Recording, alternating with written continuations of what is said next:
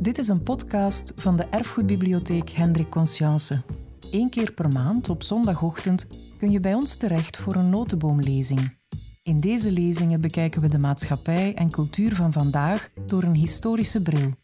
Je kan ze hier herbeluisteren. We wensen je heel veel luisterplezier. Goedemorgen, dames en heren. Jullie horen mij goed tot van. Dat is dus de goede microafstand. Maar dit weet dan ook meteen wat de goede microafstand is, want die, staat hier naast mij, rechts naast mij. Midden jaren 80 uh, was ik geschiedenis aan het studeren op de VUB, de Vrije Universiteit Brussel. En ik kreeg toen cursus theoretische vakken van professor Hubert Didier, zelf nog leerling van Leopold Vlam. En had daar academie het ongelooflijk idee om een aantal mensen uit het veld kunstenaars zelf te laten spreken. En op een van die dagen is ook Mark Diede komen spreken. Hij heeft toen eigenlijk een soort van heel gebalde mini-cursus scenario schrijven gegeven. En dat is voor mij een van mijn meest onvergetelijke momenten als student geschiedenis geweest. Ik denk dat ik op dat uur meer heb geleerd, meer heb beleefd dan in de vier jaar uh, colleges uh, aan de universiteit. Dus inhoudelijk, maar ook de man natuurlijk, want Mark Diede was voor mij toen een held. En niet alleen Mark Diede zelf, maar ook waar hij voor stond. ik had toen al zijn films gezien, dus Brussels by Night en, en Istanbul waren toen al uitgekomen. Maar hij was ook de man die toegang gaf tot mijn allergrootste helden. Want dus in mijn leven daarvoor was hij dus popjournalist geweest bij Humo. En heeft hij dus de allergrootste uh, van deze aarde, de allergrootste muzikanten, popmuzikanten geïnterviewd. En om hem verder in te leiden en, hem aan jullie voor te stellen, uh, ik deze keer moet ik deze keer niet naar Wikipedia en kan ik naar een iets originelere biografie die ik nu ga voorlezen uit het boek dat toen nog is verschenen.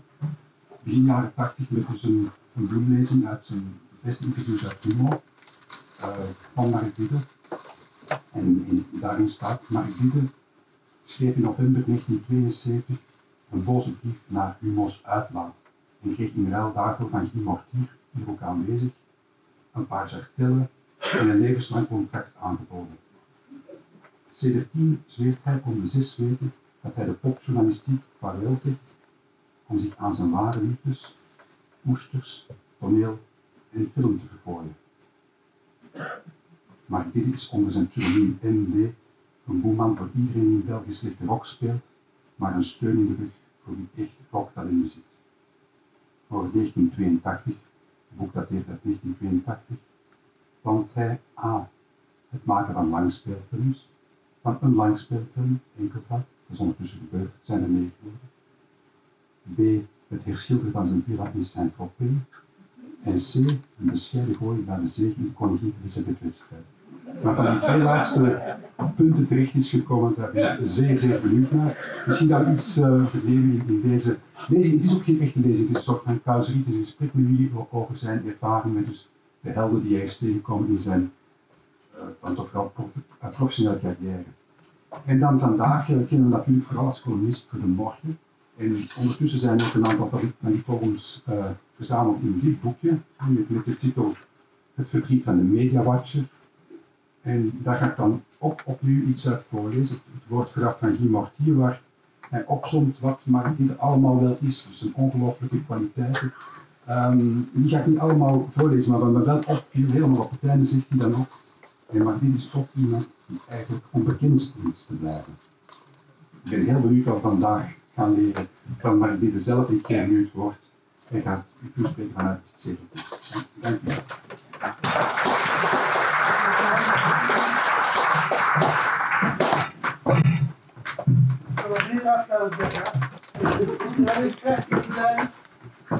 Staat u bij zo? Begrijpt u mij? Of zullen we dat met de microfoon doen? Ik voel wel een beetje Sinterklaas en dan mag zien. Is dat ook al zo'n podium? Zoals reeds zei, ben ik niet gekomen naar hier voor een lezing. Omdat ik me daar eigenlijk juist gemaakt heb Werkt dat niet? Nou. Uh, ik ben niet echt gekomen voor een lezing, maar eerst gekomen dat ik zeer blij was dat ik hier uitgenodigd werd. Ik vind dit namelijk een van de mooiste plekken, ik ging zeggen van Antwerpen, maar ik bedoel van de wereld. Omdat ik een bibliotheek in deze barre tijden. Weet ik niet, hè? Ja, je- Die. Ja, ik denk het ook. ja, dat is een direct Maar helemaal. video was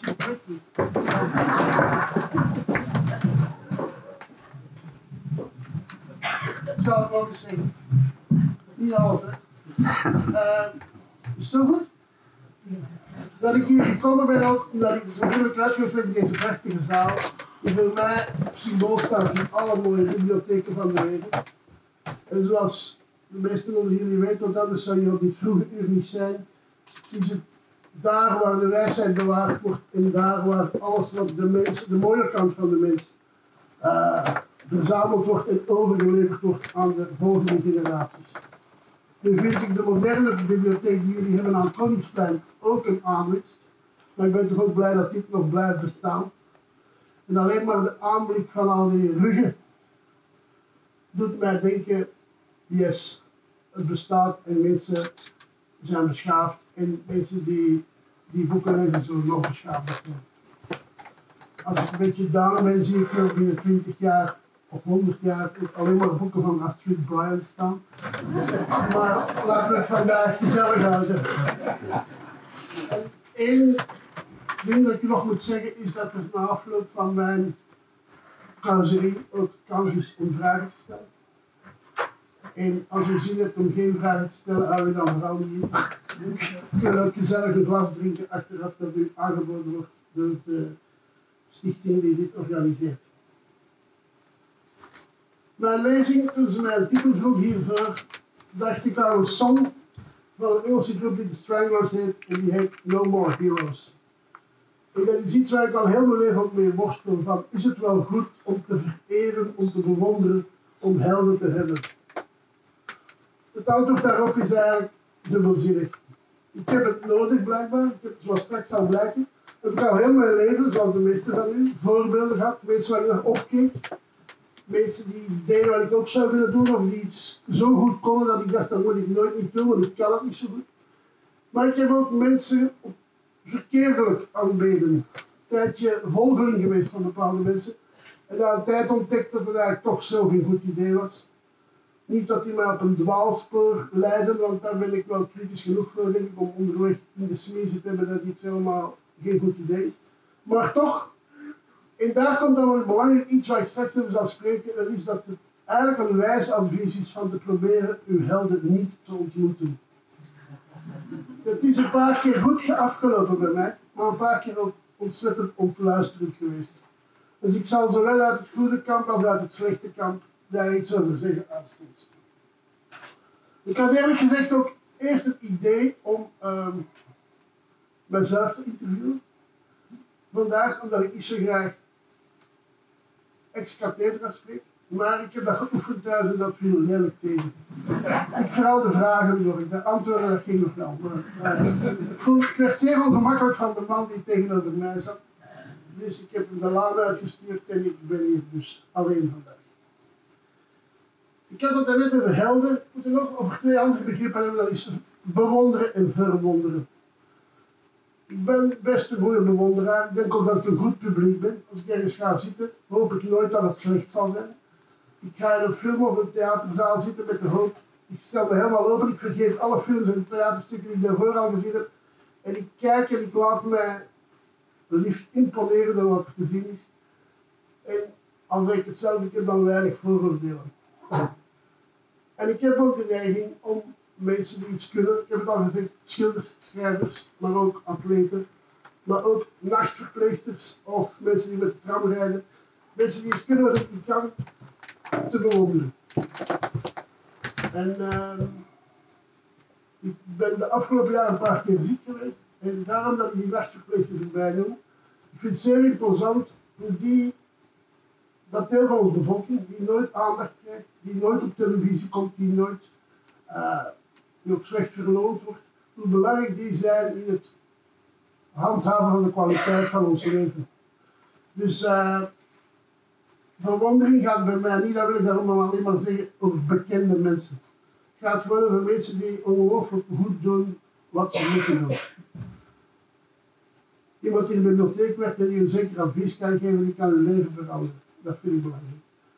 iemand in een vreemde stad die de weg wijst, die kan u meteen een stuk van die stad doen worden. Dus dat is eigenlijk iets wat ik niet genoeg kan herhalen, dat verwondering niet automatisch te maken heeft met BV-schap. In mijn eigen geval is verwondering belangrijker. Dat iemand, ik geef iemand iets wat ik zeg, iedereen krediet, maar dan ben ik helemaal van de plank als hij iets fantastisch zegt, dat ik dacht, wauw, wat een inzicht, of iets grappigs, of iets doet wat mij overhoop haalt. Dat zijn eigenlijk de, de lijst van de mensen die ik een beetje met zicht op de horloge zal bespreken, want ik eh, kan er nog een paar bijgooien, ik kan er een paar afgooien van deze lijst die voor me ligt. Eh, maar verwondering is eigenlijk nog een grotere factor dan bewondering. De eerste persoon waar ik enorme bewondering voor in mijn leven heeft dezelfde familienaam als ik. En die is namelijk mijn broer René. Hij is ook tien jaar, exact tien jaar ouder dan ik. Waardoor het zeer gemakkelijk is om mijn eigen leeftijd te onthouden. Want als ik, als ik uh, nadenk, wat- ik moet altijd hoe ik ben, dan denk ik hoe oud is onze René. En eh, die is eh 73, dus ben ik 63, dus dat is heel handig.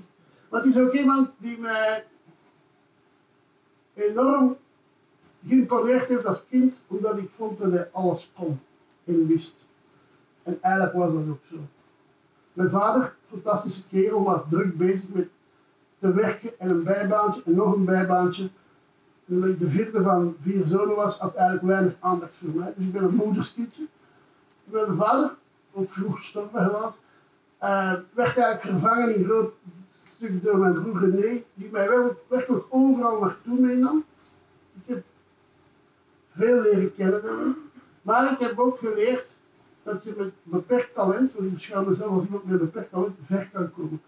Het enige wat mijn broer, behalve dat hij een brave mens was en een vriendelijke mens, een beetje kon, was speerwerpen.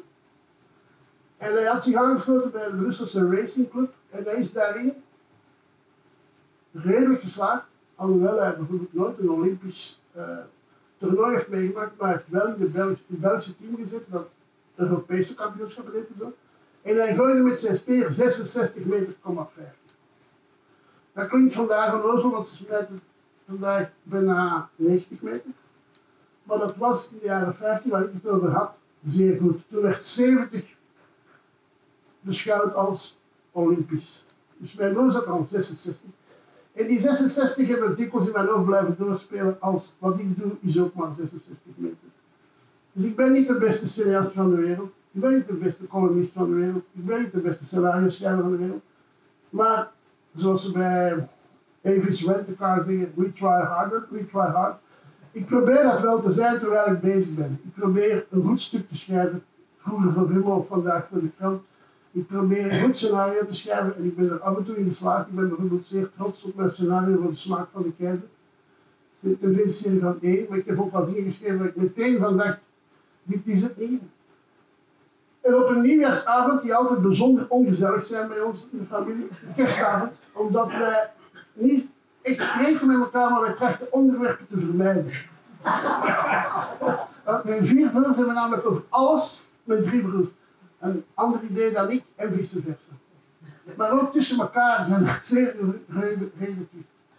Dus wij proberen onderwerpen te vermijden.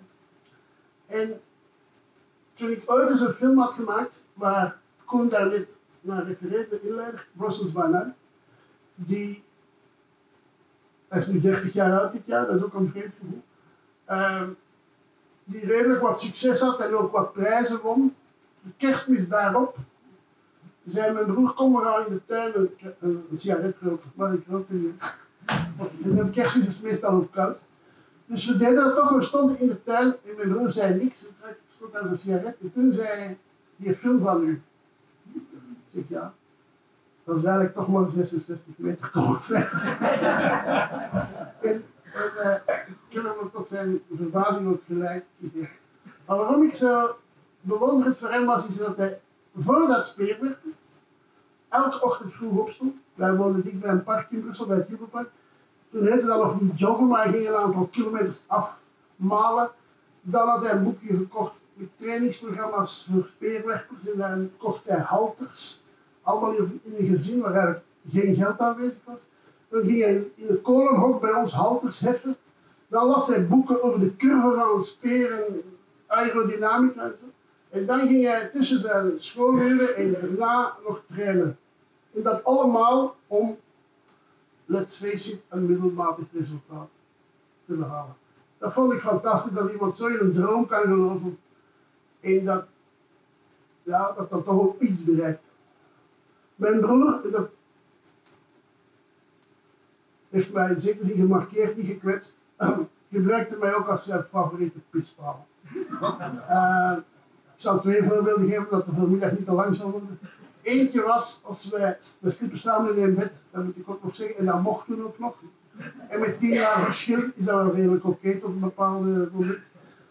Mijn broer zei altijd, s ochtends, ga eens kijken hoe laat het is. En ik kon nog niet de horloge lezen. Dus hij zei, ga naar beneden, houd uw vingers op de wijzers van de klok. En kom dan naar boven en toon mij laat. En ik deed dat, trapje af. Enfin, nog zieliger, Dickensiaans daarna, trapje op, want wij sliepen in de kelderkeuken.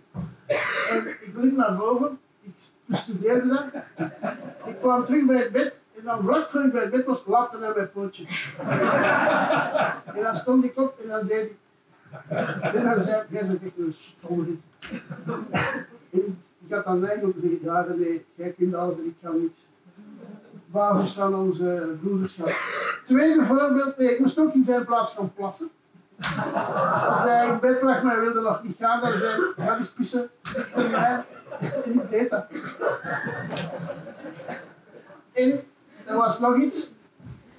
Hij had hem snel door dat ik hem tamelijk, ik was nogal moeilijk te geloven vandaag, zeer vrij van gestalte. En ik had ook astma. En eh, hij eh, heeft me dan op een dag ook doorgehad dat ik nogal gevoelig was. In het zin dat ik snel een beetje zin voor drama had. Wat zich misschien later vertaalde in mijn films. Dus ik herinner me één punt dat wij in, datzelfde jubelpark voorbij de, jubel, ehm, de boog liepen van, ehm, van de Saint-Quentin, 50 jaar België, een gedenkteken. En mijn broer liep naast mij met zijn fiets in de hand, want zijn band was plat. En plots viel hij om. En hij lag daar. En hij zei, ik ga sterven. Zeg tegen mama en papa dat ik jullie graag zie. En ik stond daarbij en ik, ik wist. Ik had natuurlijk geen telefoon. Ik- En ik zeg maar, Leon, want dat was de zegt, je, je bloeit toch niet? En dan zegt hij, zie je wel dat je stom bent?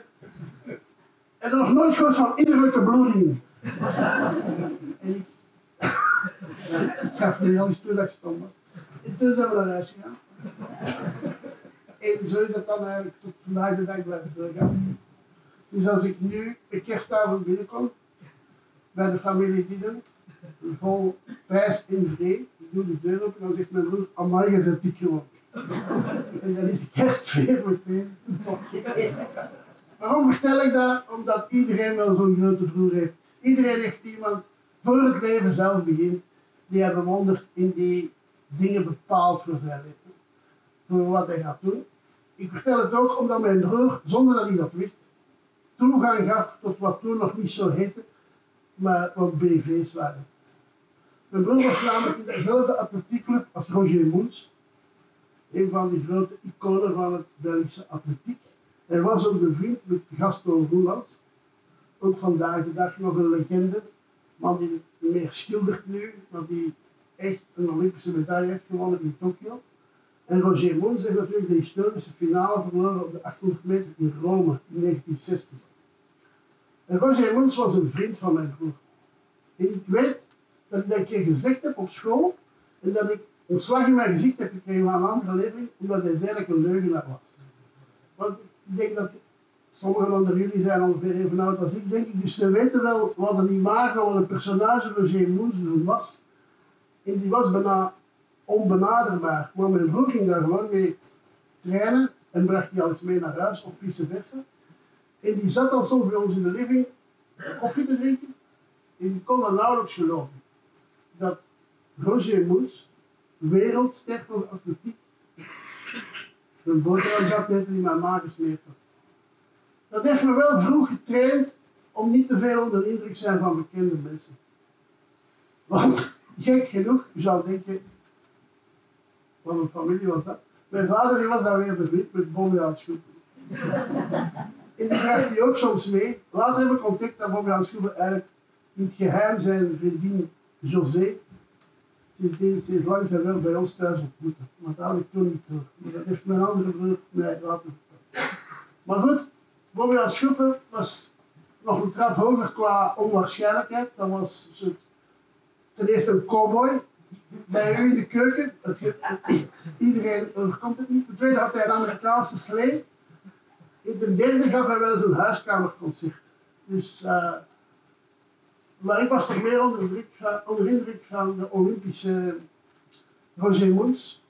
En ik herinner ook, een van mijn eerste grote verdriet was toen ik met mijn broer, wat ik net over sprak, want wij hadden thuis geen televisie, bij een vriend van hem naar televisie was gaan kijken, die bewuste avond in Rome van 1960 toen Moens, toen hij dacht dat hij het ging halen, rechts voorbij gestoken werd, ik, door Peter Snel uit Nieuw-Zeeland, die dan met de gouden medaille ging. En eigenlijk hadden wij reden tot feesten, want een landgenoot, een vriend, had zilver gewonnen op de Olympische maar we waren allemaal verschrikkelijk gedeprimeerd. Ik herinner me nog de tranen van mijn broer, René, op het moment dat op dat smart, eh, klein zwart-wit schermpje duidelijk was dat Roger, want wij mochten gewoon Roger zingen, dat hij eh, geen goud had. Groot verdriet. En ook voor mij dus een bewijs dat bekende mensen tastbaar, benaderbaar zijn en soms ook gewoon. Want Roger Moes had zijn boterham exact op dezelfde manier op als ik. En die was ook beleefd tegen ons ma. En die dan mijn broer ook klein is in bescherming, want hij voelde wel dat mijn broer niet dat grote talent had, maar wel die, dat beeldzetjes vermogen. Waarom spreek ik over Roger Mons? Omdat ik een hoofdstuk over Roger ingebouwd heb vandaag. Want ik wil namelijk over een andere man praten die niemand van u wellicht kent en die heet Roger Somers. Als ik naar deze ruimte kijk, dit is eigenlijk wat mensen als Roger Somers doen. Roger Somers was op het Sint-Jan Bergmans College in Brussel, waar ik veel te lang gezeten heb. En dat veel te lang bedoelt, vooral omdat ik een paar keer gebuisd ben. Dus ik had ongeveer zo'n baard toen ik uiteindelijk niet afgestudeerd was, want eh, ik had geen zin om de retorica, ik zal maar geluid op zeggen, een tweede keer te doen. Ehm Roger is het soort leraar die iedereen toewens, is de man die deuren open doet, vensters open doet en die vooral boeken leert kennen.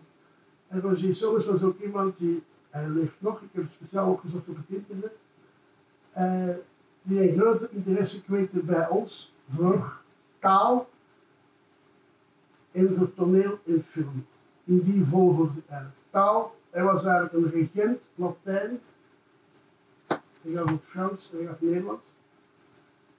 En hij heeft ons leren lezen, dus niet meer of niet minder. Hij, wij hadden een bloemlezing op school, die heette Zuid en Noord. En hij legde die opzij en hij, was het dat? En hij, ik ben blij dat je er. En, en hij, eh, hij kleurde buiten de lijntjes. Hij, gaf dan boeken die daar niet op stonden eigenlijk. Of hij wees ons, dat was de zesde, de vijfde Latijns, en bij mij ook nog eens de vijfde Latijns. Want Dus drie jaar na elkaar hebben we net zomers gezeten, waarvan dus één gedubbeld. En, en wat, vond ik hem ook fantastisch, omdat hij, niet speciaal voor mij natuurlijk, maar dat tweede jaar dat ik bij hem zat, vertelde hij allemaal andere dingen. Het was dus niet dat hij met een soort lesplan zat of met een voorgekruid verhaaltje. Hij had dan nieuwe inzichten, hij had nieuwe boeken gelezen, nieuwe films gezien, en die kwamen dan ook aan op de lessen. En hij is, waarom ik hem vermeld is, behalve dat hij zeker heel veel deuren voor mij heeft opengedaan, onder andere Godfried Bormans, Shakespeare, Rubens, en dat film ook kunst kon zijn. Dus hij was de man die ons over Citizen Kane praatte als snotapen van 12 jaar die ook zorgde dat wij die film zagen. Die vertelde dat nog zo'n Wels, dat filmmaken bijvoorbeeld een beroep kan zijn, maar ook een manier om kunstenaar te zijn. Dus dat is er toch heel hard ingeslagen op vriendelijke wijze door die man. En daarom ben ik nog altijd dankbaar. Hij was ook iemand die, waar ik naar uitkeek, waar je bij weinig leraren had. Ik was ook zeer triest als hij ziek was, of als er een dag geen les was. Omdat eh, eh, aangekondigd was, maar om een reden niet was. Dat is een gevoel dat ik gehad heb, alhoewel ik hem nooit durven aanspreken. Ik heb een enorme bewondering voor hem en ooit heb ik hem ook ontgoocheld, want ik had een gedicht moeten kiezen en komen voorlezen. Daarom ben ik altijd een beetje bang van dit soort podiumpjes. Maar ik kreeg er dan meteen ook krijt bij en een bord en, eh, en ik moest naar voren komen, we mochten een gedicht kiezen. En ik koos een, gezicht, een gedicht dat ik totaal niet begreep. Het was De Zee van Hugo Claus uit de Oostakkerse gedicht. Ik dacht, er zou een check staan en ik wilde Roger zomers eigenlijk behagen. Dus ik dacht, ik ga niet zo een versje voordragen, ik ga. En terwijl ik daar stond, voelde ik dat ik daar niks van begreep. En ik voelde dat hij dat ook voelde. En hij was wel het mededogen, maar hij vond mij ook, dacht ik toch, achteraf. Een beetje pretentieus dat ik dat ik dat niet door had, dat hij dat zou doorhebben, dat, dat ik er niks aan heb. Ehm, toch wens ik, en dat is iedereen toe, en ook de kinderen en de kleinkinderen, de kleinkinderen van de kleinkinderen, dat ze zo iemand tegenkomt in hun leven. Het was ook helemaal niks wat men vandaag meteen denkt als een verwondering voor een docent is. Iets seksueels of sensueels. Hij was een opperste professionele docent die iedere keer als je uit die klas kwam, had het gevoel, ik heb iets geleerd vandaag. En daarom ben ik zo ongelooflijk blij dat Koen, die mij daar net inleidde, over dat uurtje dat ik ooit in de VNB ben komen spreken, dat is er nog, nog herinnerd. Want als ik op iets trots ben in mijn leven, is het de 29 jaar dat ik zelf lesgegeven heb aan Sint-Lucas in Brussel. Ik kom iedere dag nog studenten van mij tegen in de media, daarom geen BV's. De mensen die achter de schermen de goede programma's maken, zoals Man bij het Hond of, of uh, fictieprogramma's. Daar zitten altijd een aantal mensen bij die ik nog mee opgeleid heb, dus niet opgeleid. Ik was één van de tien docenten. En ik voel dat in al die mensen ook een klein beetje Roger Somers zit. Dus ik heb de brede kijk op de wereld die, ondanks dat een Jesuit college vrij streng was en afgemeten qua leerplan en zo, die toch u helpen dingen ontdekken. Ik heb even Bomans genoemd. Uh, ik vind tot vandaag van de dag ongelooflijk jammer. Ik blijf hem ongelooflijk fantastische schrijver vinden en zijn omgang met het Nederlands quasi perfect. Ik blijf het jammer vinden dat hij door sommigen nog altijd niet als een volwaardige auteur wordt beschouwd, maar beschouwt het soms een beetje als entertainment of nog erger, maar is hem vergeten. Dan denk ik dat ik misschien een kleine levenstaak nog heb om dat aan de volgende generaties door te leren. Behalve van Roger Somers, die zeer streng was op opstellen, behalve later van Guy Mortier, toen hij mijn hoofdredacteur was, heb ik eigenlijk het meeste vertalen over onze mooie taal opgestoken van Bommels. En daar kwam dan de, de lading bij dat het ook om te lachen mocht zijn iets wat ik met literatuur tot dan toe niet echt ervaren had. Via hem heb ik ook Woodhouse leren kennen, zo, maar mijn Engels was toen te slecht om dat in het Engels te lezen en die Nederlandse vertalingen waren wel competent, maar waren wij iets te Nederlands in de zin dat de omgangstaal die daarin gebruikt werd niet degene is die ik kende. Maar goed, ik weet niet of Roger zomaar blij zou zijn dat ik over hem spreek. En het hoofdstuk Roger nadert ook zijn eind. Uh, maar ik spreek voor hem als symbool van hoe belangrijk het is. Als je mensen nu hoort vandaag dat er kan bespaard worden op onderwijs, of dat uh, leerprogramma's moeten versimpeld worden en dat het meer hip moet zijn. Uh, mensen moeten de hele dag naar video's kijken of op computers zitten. Dan vind ik het toch fantastisch dat er gewoon een leraar is die in de, in de les komt en die vertelt waarom, misschien volgende week, Hamlet dat in de KVS wordt opgevoerd, waarom je daar zou naar, moeten naar gaan zien en wat je daarvan kan leren. Dat iemand op dat niveau studenten, jonge studenten niet onderschat, is eigenlijk voor mij altijd de drijfveer geweest dat ik zelf les gaf. Als ik les gaf, het eerste jaar was een auditorium met meer volk dan hier vandaag zit. Tijdens was er een team met vier, vijf mensen rond de tafel in het vierde jaar. Heb ik altijd geprobeerd ik dacht dan aan mijn grote voorbeeld, Roger Soms, maar ik dacht ook aan rockzangers zoals Bruce Springsteen, die 3,5 uur optreedt, tot er helemaal zijn rug nat is van het zweet. die weet dat mensen die een kaartje kopen en die willen dat concert zien, iets moeten krijgen. Dat je daarvoor moet werken. Maar zo dacht ik dat ook als ik les gaf.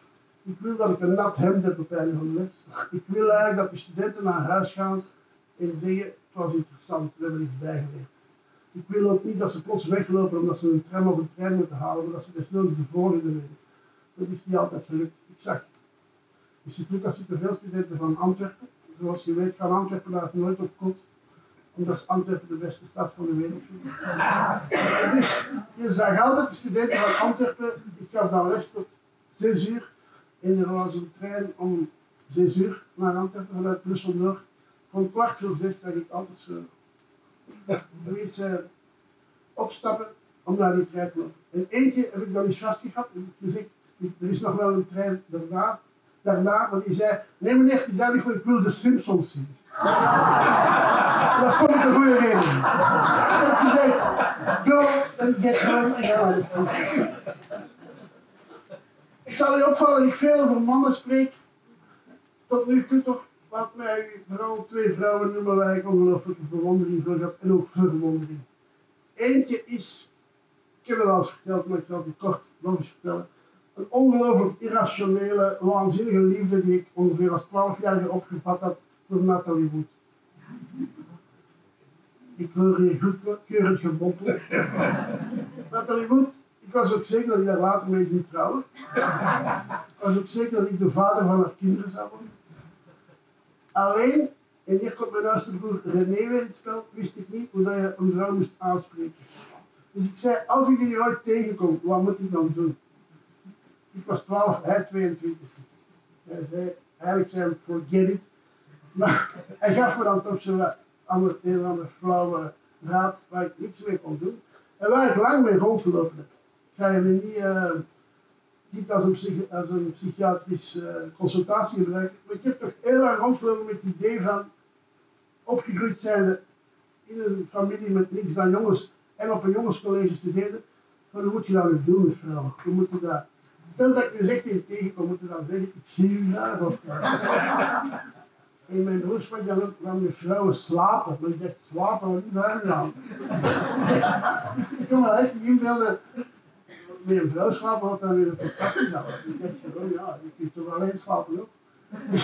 maar plots was daar de hoes van de plaat van de soundtrack van de film West Side Story. En daarop staat Natalie Wood, die Maria speelt in die film, op een ja, ik kan jou zeggen als goddelijke wijze afgebeeld. Ik heb die foto, met toestemming van mijn broer, op mijn kamer mogen hangen. Wat wel vervelend was, want toen had hij de plaat alleen maar in dat papier binnenhoesje, maar. Kijk, toen was het, uh, toen ging alles nog goed in ons familie. en uh, ja, dat is bijna irrationeel geworden. Ik heb echt uh, nachten en dagen nagedacht over Nathalie Wood. En dat was zeker de mijn leven was. Ik heb ook, dat heb ik al eens verteld in de laatste show. Ik heb ooit, ik ging op bezoek in de Walen. Ik had een onkel, die, een tante die mijn Waal was getrouwd. Die woonde in Clabec, vlakbij de Forgerie de Clabec. Dus in een werkmanshuisje met zicht op de hoogovens. En daar was een schrale tuin met zicht op het fabriek. En daar stond een betonnen paal maar je weet toch met dat beton dat zo gemaakt is uit zo'n grind met harde textuur. En ik had op een vakantie beslist, dan maar een ambulance als je vindt dat ik te vet Ik had op een dag vakantie dag beslist dat een van die palen Nathalie goed was. en ik dus na het eten altijd de tuin om echt die paal te gaan rasten. en ik heb die ook één keer gekust. Dat was, ik voel dat nog. Maar is dat was voor mij het mysterie vrouw waar ik eigenlijk over wil spreken. Wat heel vreemd is als je in een mannelijk gezin, mijn moeder was er natuurlijk wel, uh, opgegroeid wordt en dan in zo'n college. Waar ofwel niet over vrouwen werd gepraat, ofwel als een soort verheven wezen. De vrouw moest toch competitie voeren, niet met Nathalie Wood, maar met de heilige Maagd Maria. En moet zeggen dat dat eigenlijk jarenlang mij veel meer bezig gehouden heeft aan mijn studies. Ik was een bijzonder middelmatig student. Ik ben dus eigenlijk drie keer, maar dat zeg ik niet graag, ik zeg twee keer, dat klinkt een paar beter, blijven zitten, puur door gebrek aan aandacht voor, voor wat er gebeurde daar vooral. Daarom is het ook zo gek dat ik 29 jaar les heb gegeven, want ik heb eigenlijk ook vanaf dag 1 een hekel aan de school. Ik heb echt, vond dat verschrikkelijk, ik vond dat bijna ja, gevangenis. Ik ging daar smokjes binnen, ik had al een wereld daarvoor beleefd, met mijn ouders gespeeld of stripverhalen gelezen. Dan ging je daar naartoe, zolang dat dat moet, tot 4 uur. En als die schoolbel ging, dan begon eigenlijk voor mij de dag. En dat heb ik nou, gek genoeg altijd gehad. Maar ik was ook iemand die dan iets nuttig deed, een of andere nuttige hobby of zo. Ik lag eigenlijk veel op mijn bed aan Nathalie Wood te doen. En eh, het irrationele van de liefde is, moest ik echt een schrijver zijn, want ik ben iemand die schrijft, maar ik voel me zelf geen schrijver, dat is een groot verschil. Een schrijver is iemand die alleen maar schrijft. Ik heb gelukkig het talent gekregen om een paar woorden af en toe in de juiste volgorde te zetten. En ik kan daarmee de laatste 40 jaar mijn brood verdienen. Ik beschouw mezelf niet als een auteur. Dus maar moest ik dat echt zijn, zou dat zeker onderwerp van mijn roman zijn. Dat is een, als man proberen het mysterie van de vrouw te grijpen. En Natalie Wood, om dit verhaaltje af te maken, die dan toch uit mijn hoofd was verdwenen toen ik levende, een echte vrouw was tegengekomen en ook al veel jaren getrouwd ben de vrouw van mijn leven, zoals ze. Um, Nathalie Wood was een beetje naar de achtergrond van mijn leven verdwenen toen ik me plots tijdens het monteren van mijn eerste film een bericht kreeg dat ze overleden was en dan nog wel op tragische wijze. Zij is namelijk uit een boot gevallen waar ze in zat met haar man, Robert Wagner, en met nog een vriend. Ze was een beetje dronken volgens sommige bronnen, volgens anderen waren die mannen dronken en hebben ze haar eruit geduwd. Dus het is echt een, dramatisch einde van een mooi leven. Wat eigenlijk een fait was. Het was ondertussen 1983, maar het heeft mij zwaar gemarkeerd. Ik was plots ongelooflijk down. En wij mensen hebben dat gezien omdat er in een heel kleine lettertje staat. Ik heb de film ook aan haar opgedragen. Waarom praat ik daar zo lang over? Omdat in dat leven zonder vrouwen zij eigenlijk een onbereikbare iets was die mij bevestigde hoeveel ik, en ook vandaag de dag nog, belang aan vrouwen en, en, en, vrouwen graag zie. Zonder dat ik daarmee moet trouwen of dat ik mijn kinderen moet krijgen. Een tweede vrouw, die mijn leven ongelooflijk bepaald heeft, en ook mijn liefde voor muziek, is een vrouw waarvan mijn broer op een dag met een klein plaatje is binnengekomen. Een 45 uur plaatje. En dat was Ella Fitzgerald. Ik ben de laatste jaren pas, sinds ik meer jazz koop, en sinds met het internet informatie gemakkelijk circuleert, enorm gefascineerd geraakt door die vrouw. Ik had het vroeger ook voor Billie Holiday, maar de tragiek van Billie Holiday overschaduwde een beetje de kwaliteit van haar muziek. En is het leven van Ella Fitzgerald ook best tragisch verlopen. Ze is in armoede gestorven, ze heeft een amputatie ondergaan aan slecht behandelde diabetes. Maar, en dat ze auteur was van weinig van haar soms, praktisch geen, heeft ze ook nooit kunnen genieten van auteursrecht. Toen ik haar nu 10, 15 jaar geleden terug ben gaan beluisteren, heb ik echt beseft dat zij de allergrootste is. Dus dat, dat zij en vrouwelijkheid maar ook ten dienste staande van componisten als Cole Porter en Irving Berlin. Voor mij zang, en dat kan even goed opera zijn als een volksliedje, zang tot een ongelooflijke hoge kunstvorm heeft verheven die mij nog elke dag treft. Ik ben geen computernerd, maar de mooiste uitvinding van de laatste jaren vind ik dat je op een computer iTunes kunt invoeren en dat je eigenlijk een hele muziekbibliotheek bij de hand kunt hebben altijd. Of je nu in een trein zit of in een hotel of je zit ergens te schrijven aan zee. Je kan altijd inpluggen naar, ook dit is weer een bibliotheek, naar de muziekbibliotheek van de hele wereld, van alles. Dat is nu eigenlijk op late leeftijd, op mijn leeftijd nu eigenlijk mijn, mijn plan om een essentiële kanon samen te stellen van wat er in de muziek belangrijk is. En ik probeer daarin geen enkel grijs te trekken. Dat wil zeggen dat daar klassieke muziek in komt, dat er ook folkmuziek in komt, dat daar jazz in komt, dat daar popmuziek in komt, dat daar chanson komt. Dus dat, dat een mens evenveel als brood of water muziek nodig heeft. En binnen de muziek vind ik dan het mooiste instrument, dus de, menselijke stem. Vandaar ook dat ik sommige muziek niet graag hoor, ook al is het perfect uitgevoerd. En heeft iemand een technisch fantastische stem, doet ze mij niks, omdat ik daarin altijd iets zoek wat mij herinnert aan die eerste ervaringen van Fitzgerald. Zoals ik al gezegd, we hadden geen thuis, dus we hadden ook geen langspeelplaten. Maar we hadden een paar singles van haar en later EP's, dat waren plaatjes met vier nummers op. En dat was bijna een religieuze ervaring die ik ermee had en die heb ik vandaag de dag nog. Dus ik koop, voor zover er nog platenwinkels te vinden zijn, ik koop nog regelmatig platen en ik koop ook nog regelmatig platen van Ella Fitzgerald. Doordat, door een fantastische actie van platenfirma's om hun kelders leeg te maken en oude tapes om te zetten op cd's en ook van dode artiesten, zoals Miles Davis of Ella Fitzgerald, constant nieuw materiaal beschikbaar is. Dingen die we nooit gehoord hebben.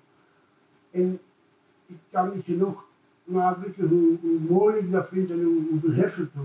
Ik heb daar veel aan, in het moment dat het minder gaat of zo, om zo'n perfecte, volledig cd van Ella Fitzgerald te zetten. Dus, qua vrouwen in mijn leven zijn Natalie Wood en Ella Fitzgerald zeer, zeer bepalend. Via Natalie Wood moet ik ook een brugje maken naar een van haar vriendjes, de ook in Antwerpen bekende Elvis Presley. Ik zeg het omdat hij echt mondiaal bekend is. Ik heb nog een broer die is piloot. En die zegt er zijn maar twee mensen die in heel de wereld bekend zijn. Want mijn broer heeft heel de wereld afgevlogen en dat zijn Elvis Presley en Bob Marley.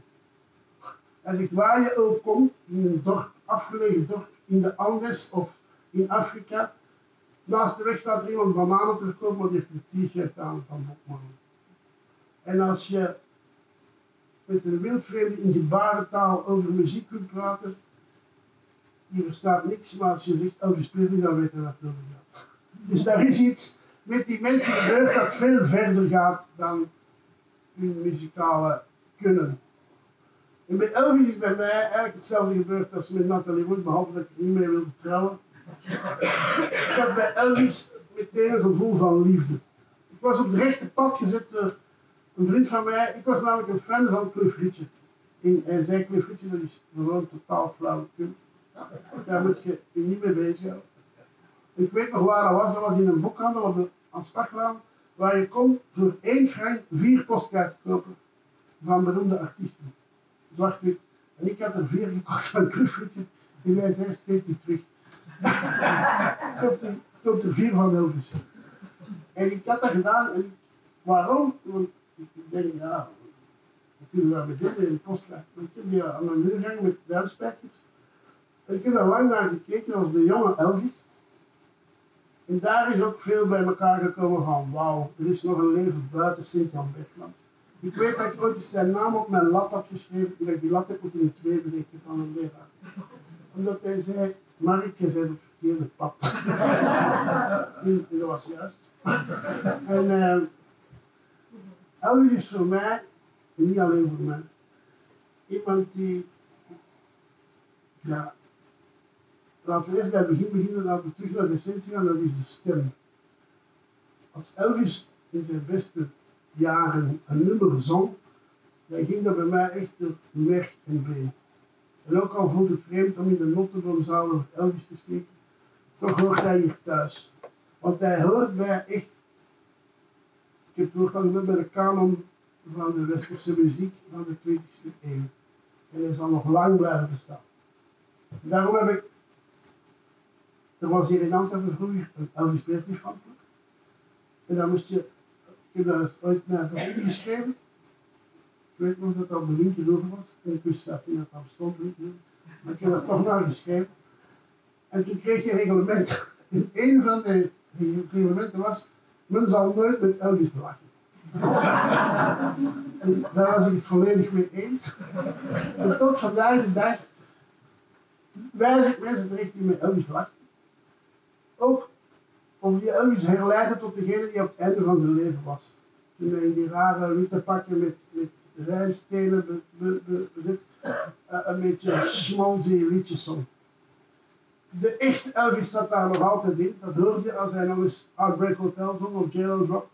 Maar ik kan, ofwel moet deze hele lezing over Elvis gaan, ofwel moet ik niet over zwijgen. Elvis is iemand die, behalve dus die eerste fysieke aanblik en die stem, mij heel mijn leven ontroerd heeft. En ik herinner ook nog de dag dat hij stierf, ik stond op, ik moest gaan werken.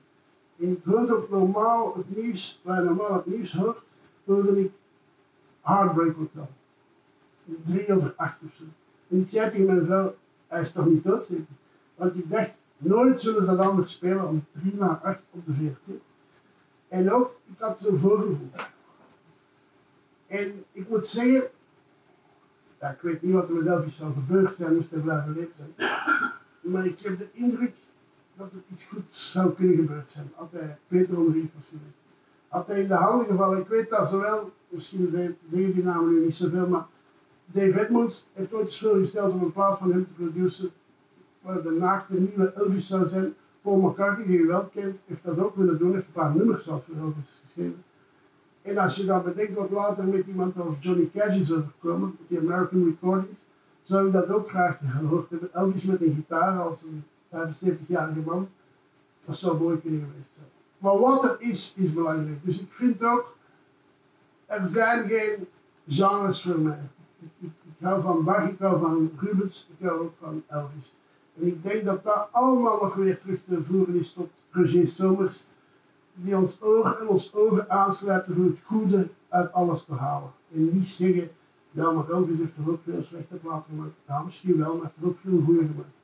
En dat geldt voor schilders ook. Begin niet te zeuren over het slechtste werk. Zoek naar uw beste werk. Ik denk dat dat een attitude is.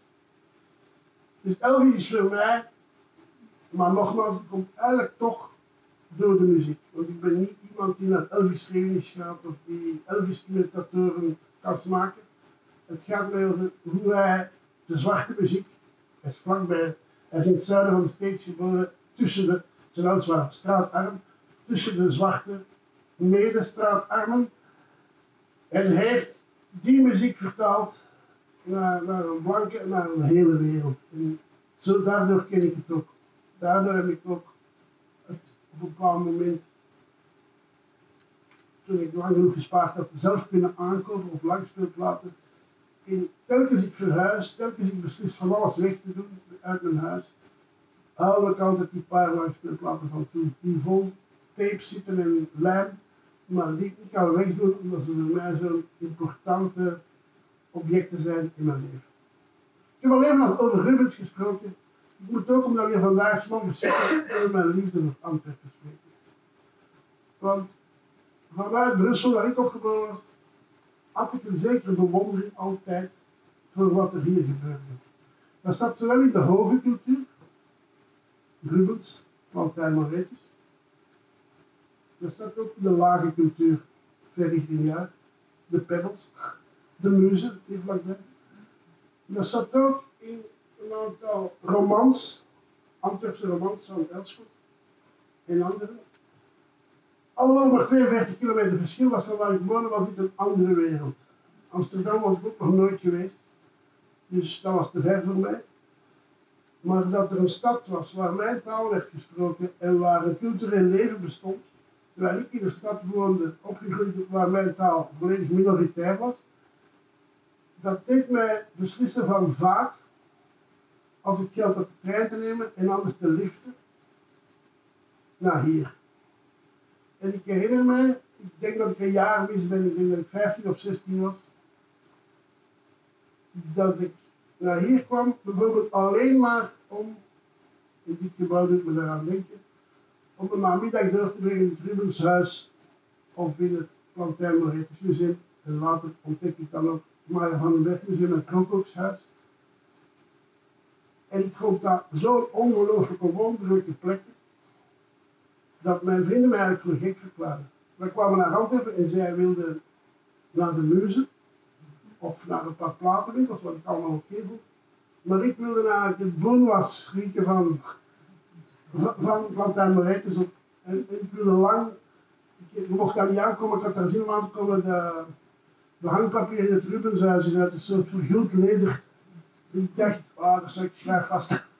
En ja, ik stond er met lange haren en jeans, dat klopte helemaal niet, maar ik heb dat enorm, ik heb dat nog. Ik kan niet naar Antwerpen komen zonder eens naar Plantijn te gaan.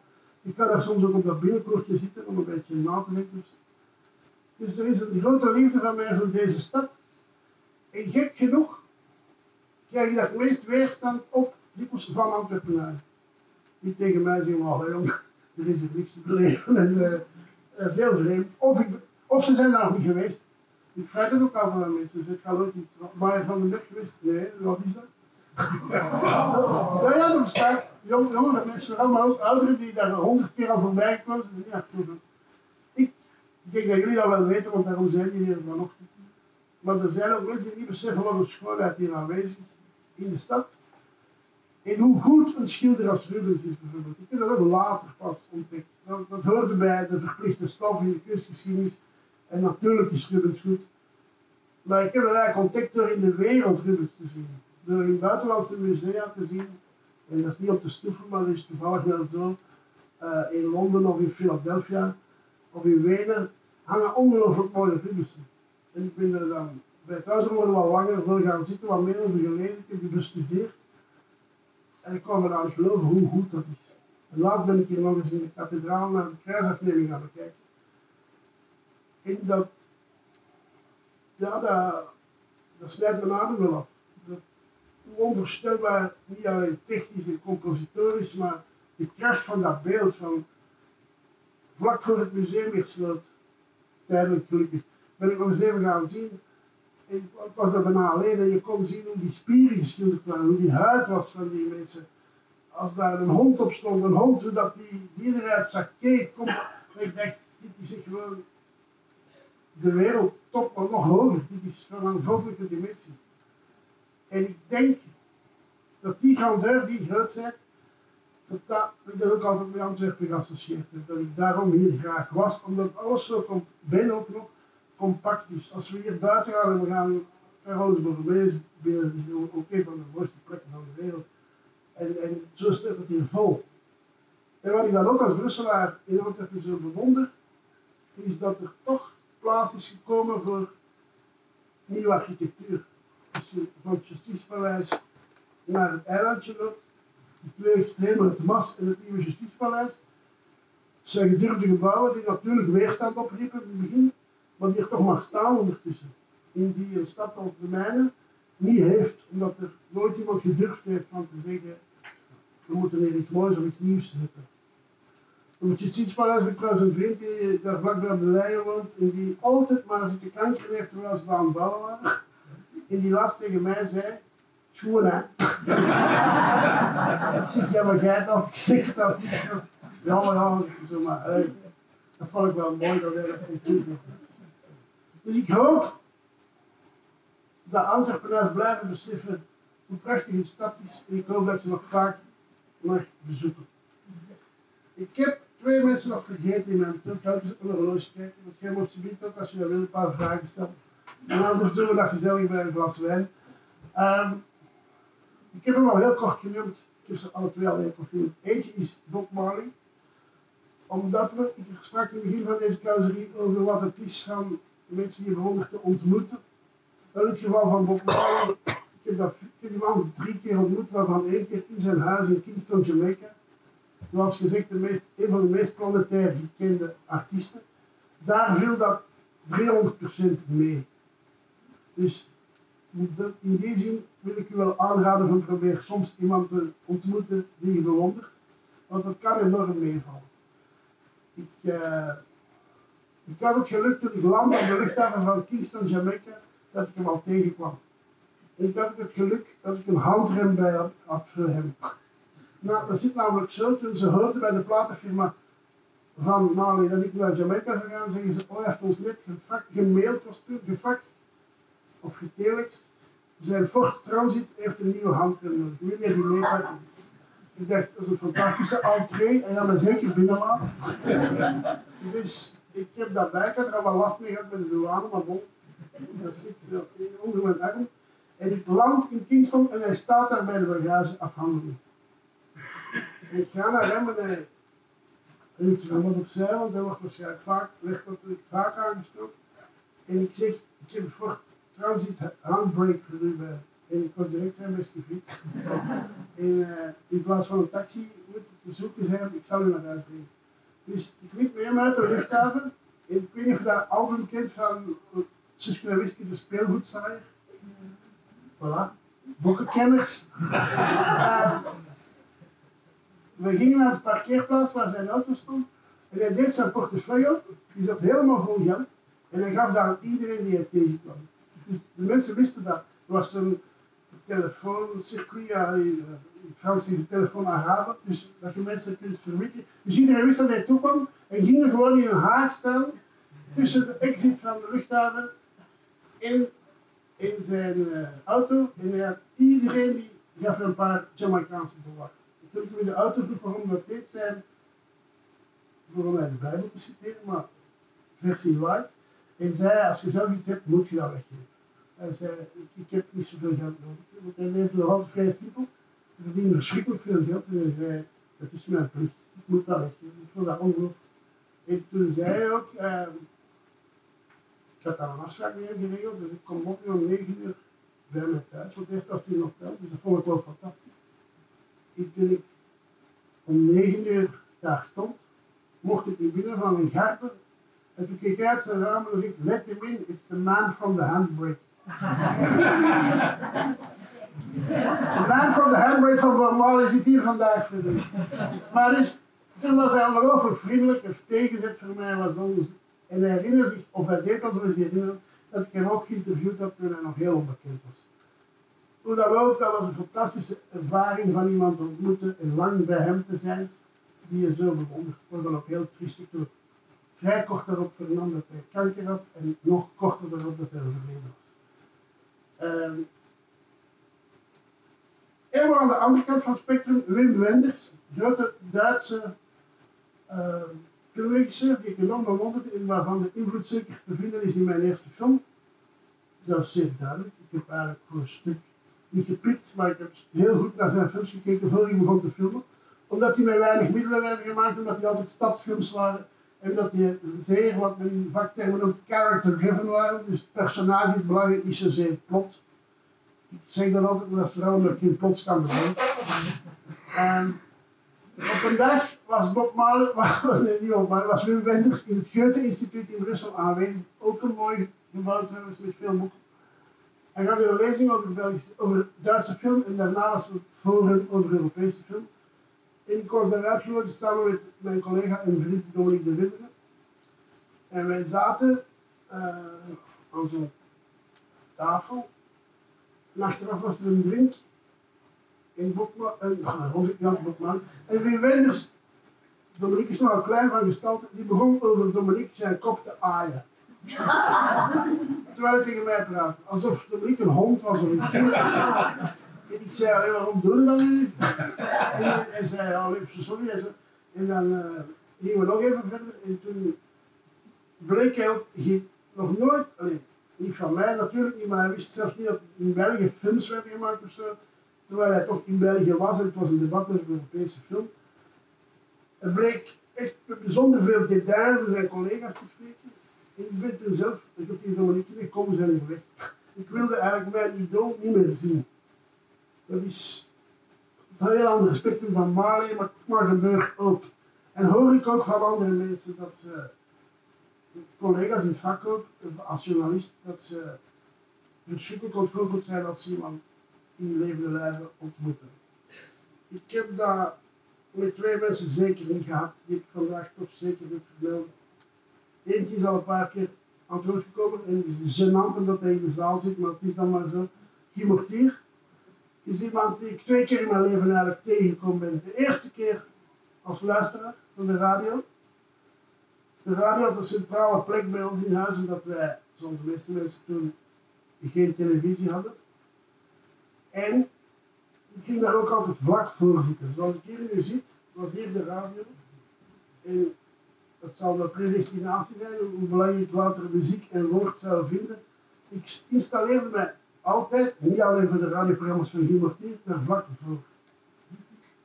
Mijn broer, die weer ter sprake komt, René, en die altijd met mijn voeten speelde, die had ook gezegd dat hij dat best hoort. Omdat er in die radio heel klein mannetjes zitten die muziek spelen. Maar je mocht daar nooit naar gaan kijken, want dan stoppen ze. En ik deed dat toch regelmatig. Dus dat is een radio grondig met zo'n groen oog. Ik dat wel, hè. En ik was dan soms toch heel nieuwsgierig, ik stond dan op. En dan zei je wel, als je gaat kijken, zijn ze weg.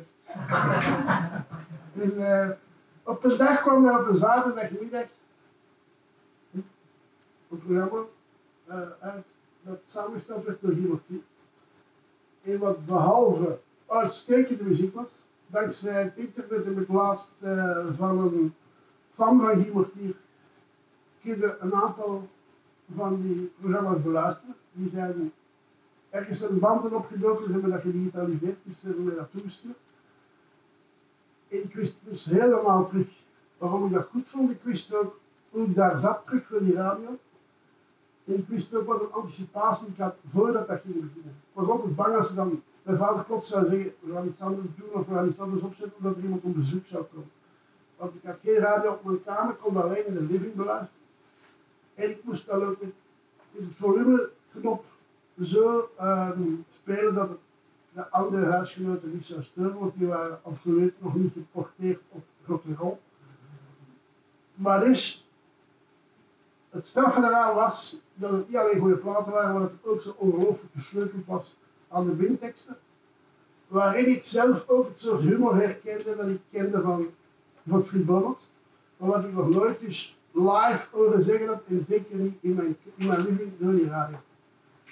Daar is een basis gelegd voor repertoirekennis, voor gaan voor het allerbeste. Ook wel denk ik uh, dat Guy zeer veel oor had voor, de menselijke stem.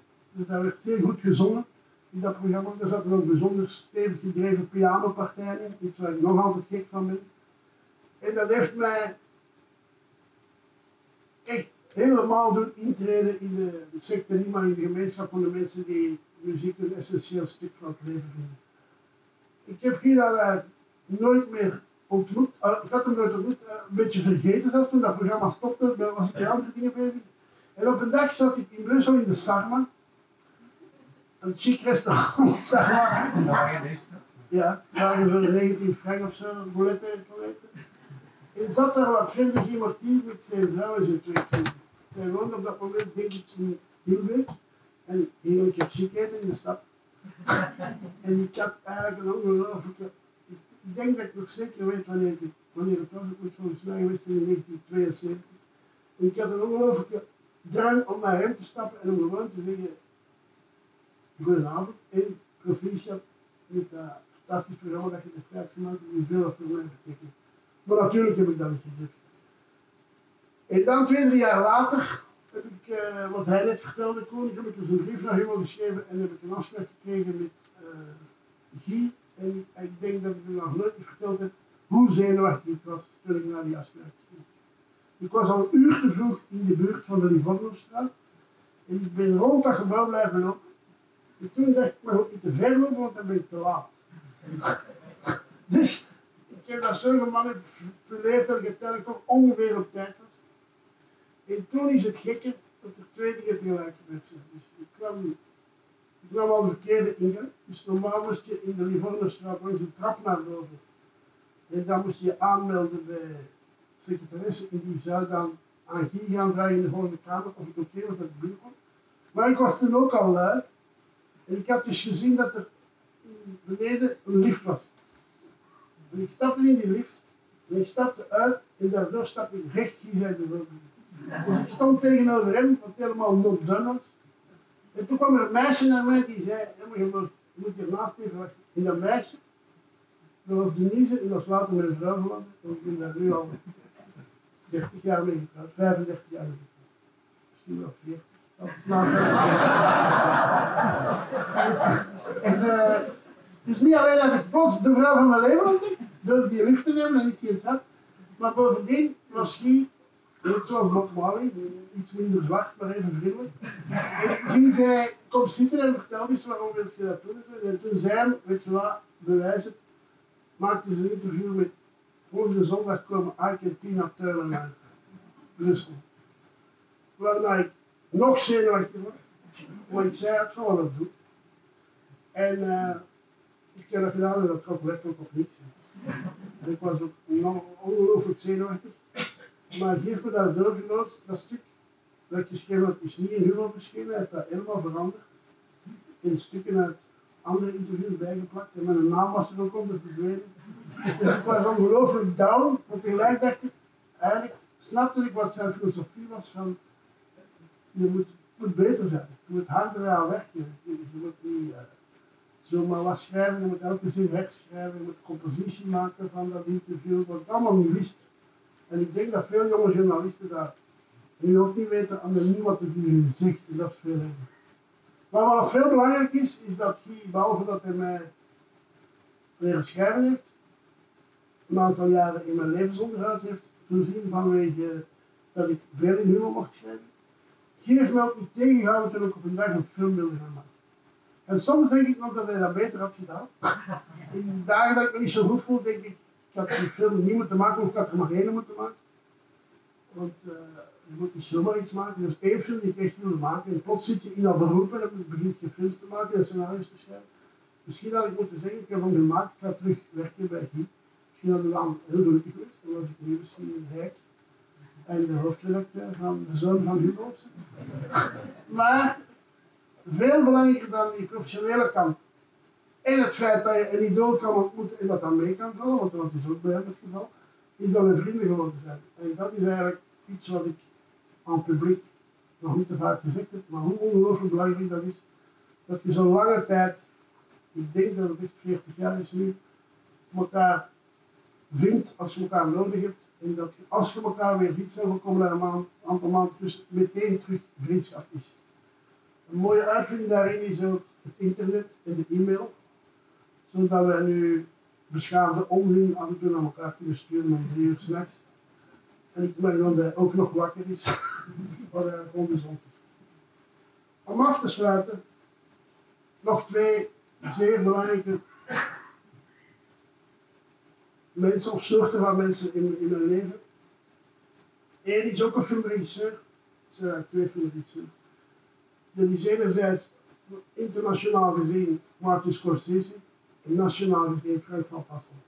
Martin Scorsese, van toen hij begon, is een filmregisseur die ook vaak verbonden is met popmuziek, maar die ook een heel grote kenner is van klassieke muziek. Die als antidote in sommige van zijn films op een heel gewelddadige scène toch een, een kantate van Bach kan zetten. Is iemand die eigenlijk meteen mijn aandacht, ik ben niet zo'n Hollywoodman, zeker niet de blockbusters en zo, maar die met aandacht uh, had met zijn film um, Vlak voor de taxivader, waarin hij eigenlijk New Yorkse straatbendes laat zien die ja, misdadigers zijn, waar we niet te veel sympathie voor hebben, maar die gebruik ook zien voor humor hebben en een soort urban wijsheid, stadswijsheid die mij wel beviel.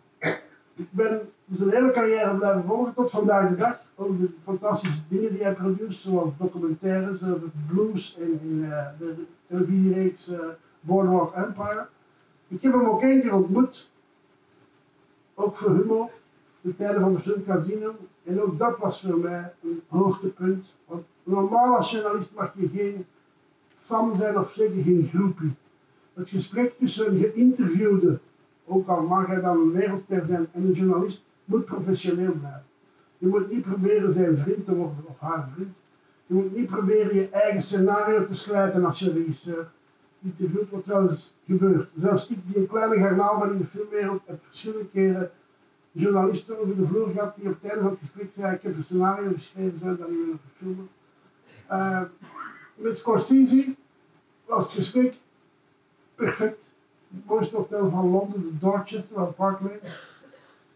Maar er gebeurde iets plots. Ik zag dat hij onder, was dit soort tafeltje, er was nog zo'n ondertafeltje, daar stond een puffertje voor astma. En eh, ik merkte pas dat ik een lange vraag had gesteld waar hij een lange, lange antwoord op geeft. Ja, ik met dat puffertje en deed hij zo. En ik zeg, oh, ik heb dat ook. Hij zegt, ja, hetzelfde merk, ja, we vergelijken die puffertjes. En dat was een heel ander gesprek. Het vreemde is dat dan het idool de mens werd en de mens ook mankementen had. En dat werd dan de basis voor de rest van het gesprek. En wat mij heel ontroerd heeft, is dat hij het meisje die voor de deur stond, die ook moest weg, letten dat we maar een uur met elkaar praten. Wat dat veel is in dit geval, maar bon, dat was zo geregeld. Ehm, daar werd hij tegen gezegd, ik wil nog wat verder praten met die meneer. En dat deed mij ongelooflijk veel plezier. Maar dat was gekomen door dat puffertje. Eh, en dan de katholieke opvoeding, want daar hebben we dan ook over doorgepraat. Hij is namelijk een Italiaans-christelijke uh, milieu opgegroeid in Little Italy, in, de tip van New York, daar waar nu alles overstroomd is. En hij zei, op die plek kon je maar twee dingen worden, priester of gangster. En omdat ik geen gangster, omdat ik gangster wilde worden, maar niet mocht van thuis, ben ik priester geworden. Is daar begonnen te studeren, maar vond dan ook snel. Voor mij. En is naar de filmschool geweest in NYU, in New York. En is hij een groot filmregisseur geworden waar al die dingen ook nog in zitten. Het priesterschap en het gangsterschap en het katholieke. En dan had ik eigenlijk een van de twee, ja, ik heb wel een paar keer gehad, toen had ik enorm het gevoel van hoe dankbaar je moet zijn dat je beroepshalve zoiets kan meemaken. Dat je met iemand die je zo enorm bewondert, uh, dat toch een uur kan samenwerken, maar ook een goed gesprek. Ik heb vandaag bewust niet over Hugo Claus gepraat, omdat het eigenlijk op zich een, een, lezing zou waard zijn of een gesprek. Ik heb als jonge man op de boekenbeurs ooit een boek zien liggen van Hugo Claus. Ik heb dat mee naar huis genomen en ik verstond daar niet veel van. Dit is dat boek waar ik dat gedicht uitgelezen had, De Zee. En ik heb ook een interview gelezen in Elsevier's Weekblad. Mijn vader was dat voor de Kruiswoordstraat. Uh, met Klaus en ik dacht, zo wil ik leven. En Klaus vertelde dan dat hij in Rome woonde en dat zijn vrouw een filmster was. En dat hij Campari soda dronk op het terras en zo. En ik dacht, wauw, al die andere Vlaamse schrijvers die, zijn leraren, die, schrijven boeken naar een uur of zo. Ik zeg, en die gast zit met filmsterren Campari drinken in Rome. En is ongelooflijk, dus ik had nog nooit van gelezen, behalve dat onbegrijpelijke diepte En uh, ik had er een fascinatie voor. En toen ik tien jaar later op de filmschool, toneelschool, ik heb iets gedaan, maar film en toneelconstrueren, een stage moest kiezen, dan zei iedereen iets diep bij de deur. En ik zeg, ik wil een stage doen bij Hugo Claus in Amsterdam. In de leraar zei, dat gaat toch niet lukken, maar schrijf maar een brief. En ik schreef een brief en werd aanvaard.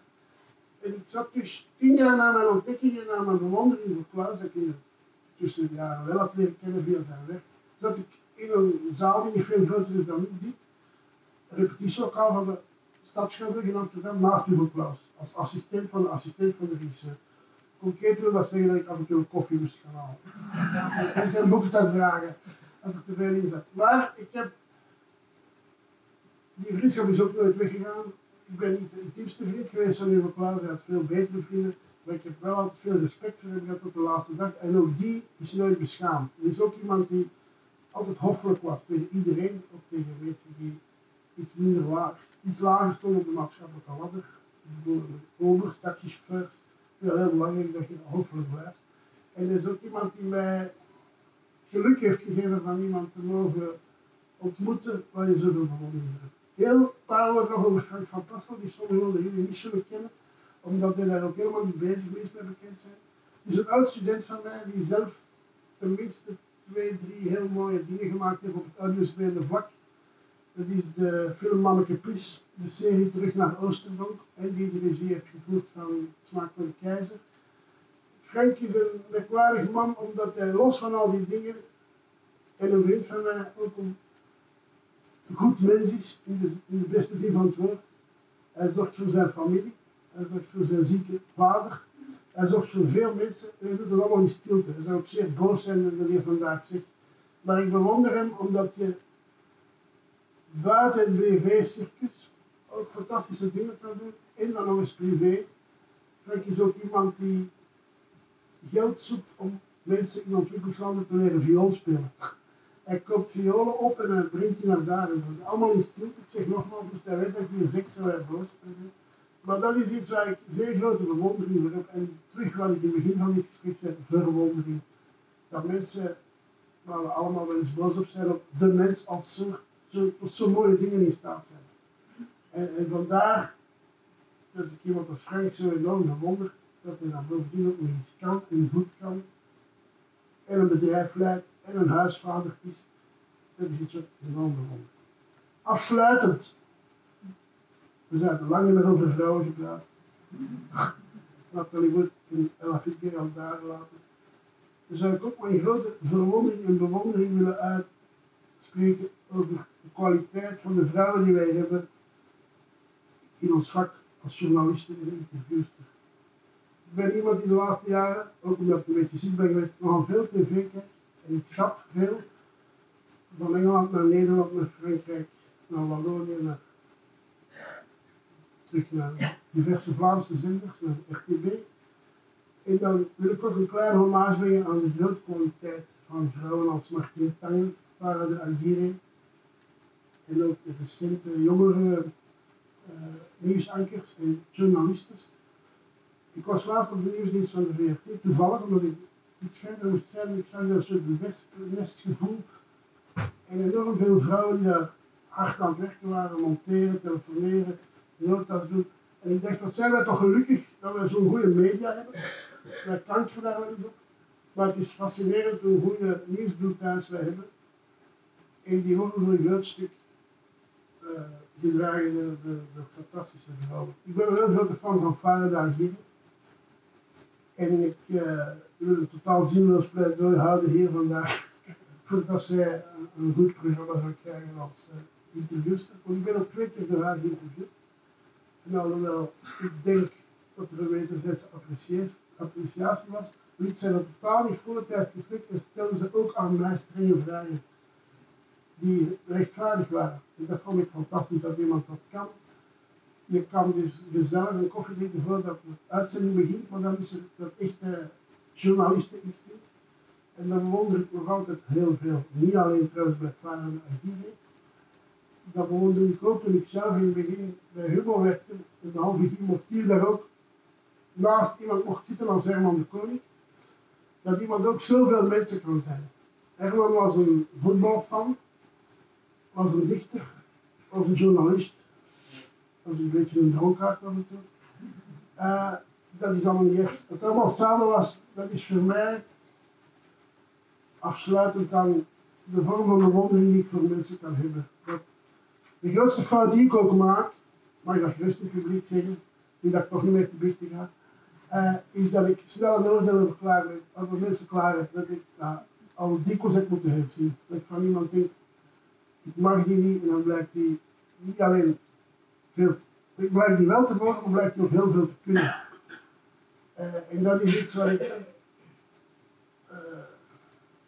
enorm, enorm apprecieer in mijn leven dat ik dat heb mogen meemaken. Dus en daarom is het terug bij het thema van deze lezing, deze, deze, dit gesprek, is dat het toegestaan is te bewonderen, dat het nog beter is van verwonderd te zijn, en dat men soms ertoe mag overgaan van zijn helden te ontmoeten, het is niet verplicht.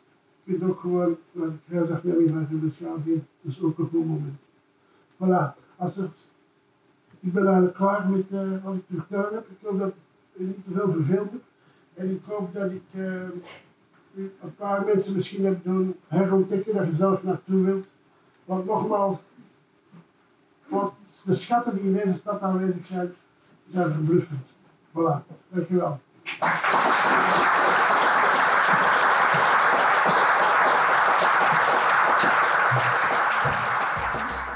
Je luisterde naar een podcast van de Erfgoedbibliotheek Hendrik Conscience. Wil je nog een andere lezing beluisteren? Ga dan naar www.consciencebibliotheek.be-herbeluister.